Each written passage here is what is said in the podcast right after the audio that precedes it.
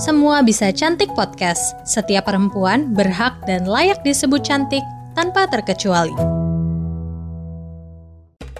Wah, gini nih, bulan Ramadan, hawanya juga harus vibes Ramadan dong. Terus kita buka puasanya pakai apa nih? Udah tenang, udah ready tuh di meja makan. Eits, jangan lupa ngabuburitnya harus dengerin obrolan seru dari produser Medio di segmen Takjil hari ini dan audio drama kisah Anya dan Aji tayang di podcast Anyaman Jiwa di Spotify. Apalagi ada insight kesehatan mental loh dari psikolog, dijamin pasti makin seru deh. Eits, sama dong. Gue juga ada nih podcast andalan yang bisa didengerin bareng keluarga buat ngabuburit. Ada podcast obrolan meja makan yang gak cuma ngobrolin parenting dan isu rumah tangga, tapi juga punya audio drama yang diangkat dari kisah nyata loh. Wah, seru banget. Kalau gini sih, ngabuburitnya di rumah aja. Jadi makin seru dan asik. Iya dong, jadi gak sabar kan ngabuburit bareng Medio? Kami dari Medio Podcast Network by KG Media mengucapkan Selamat menunaikan ibadah puasa.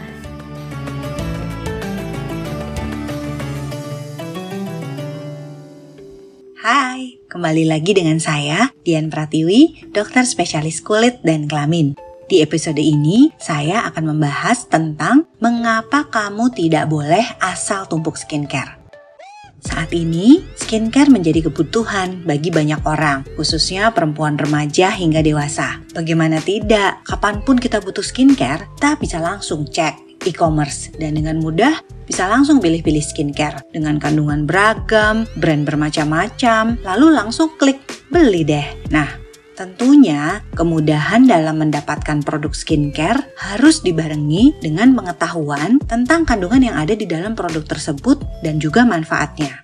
Karena biasanya masih banyak yang membeli tanpa membaca kandungannya dan di rumah langsung ditumpuk dengan regimen skincare lainnya. Ini kebiasaan yang tidak tepat. Jangan sembarangan asal tumpuk skincare. Bisa-bisa kulit malah berjerawat atau bahkan iritasi. Kisah pejuang jerawat kali ini datang dari Alfi, si cantik yang dulunya dipuja karena memiliki wajah mulus, bahkan sering dipanggil oleh teman-temannya wajah bayi. Nah, Alfi merasa cocok dengan skincare apa pun karena belum pernah ada efek samping apa pun di wajahnya. Termasuk ketika Alfi memutuskan untuk membeli rangkaian produk serum dari suatu brand. Awal pemakaian, Alfi merasa aman, Bahkan kulitnya terasa cenderung lebih mulus, lebih licin. Namun seiring berjalannya waktu, mulai muncul satu jerawat besar seperti bisul yang diikuti jerawat-jerawat lainnya hingga beruntusan penuh satu wajah. Padahal Alfi harus pakai masker terus-menerus. Makin parah deh jerawatnya. Alfi yang awalnya jarang sekali berjerawat, sekarang malah berjerawat banyak dan gampang sekali muncul jerawat baru. Lalu Sebenarnya bagaimana cara memilih kandungan skincare serta penggunaannya yang benar?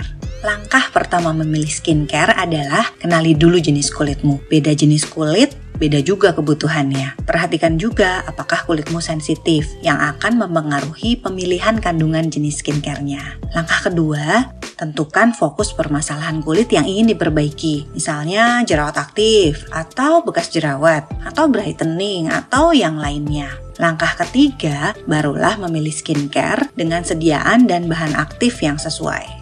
Cara supaya terhindar dari masalah kulit karena asal layering skincare adalah stick to the basic. Pagi hari, cleanser moisturizer sunscreen, dan malam hari, cleanser moisturizer. Setelah itu, baru mulai tambahkan produk lain satu persatu sambil perhatikan bagaimana respon kulitmu. Baca kandungannya dan hindari menggunakan kandungan yang sama. Kenapa? Karena pertama, risiko iritasi. Umumnya pada kandungan yang poten ya ini ya, misalnya retinol dengan retinol. Atau yang kedua, breakouts. Misalnya penggunaan double moisturizer padahal kulitnya oily dan acne prone tips untuk layering skincare dari saya, ingat selalu prinsip thinness to thickest. Jadi, mulai dari produk yang paling liquid atau water base, barulah ke produk yang lebih kental, lebih tebal, dan oil base. Pastikan kamu tahu kandungan dalam rangkaian produk skincare yang akan digunakan dan juga langkah-langkah penggunaannya secara tepat. Dengan demikian, manfaat dari setiap skincare yang digunakan akan didapat optimal. Terima kasih sudah mendengarkan episode ini. Jangan lupa follow dan beri rating untuk podcast Semua Bisa Cantik. Saya Dian Pratiwi, dokter spesialis kulit dan kelamin. Sampai jumpa di episode selanjutnya. Salam kulit sehat.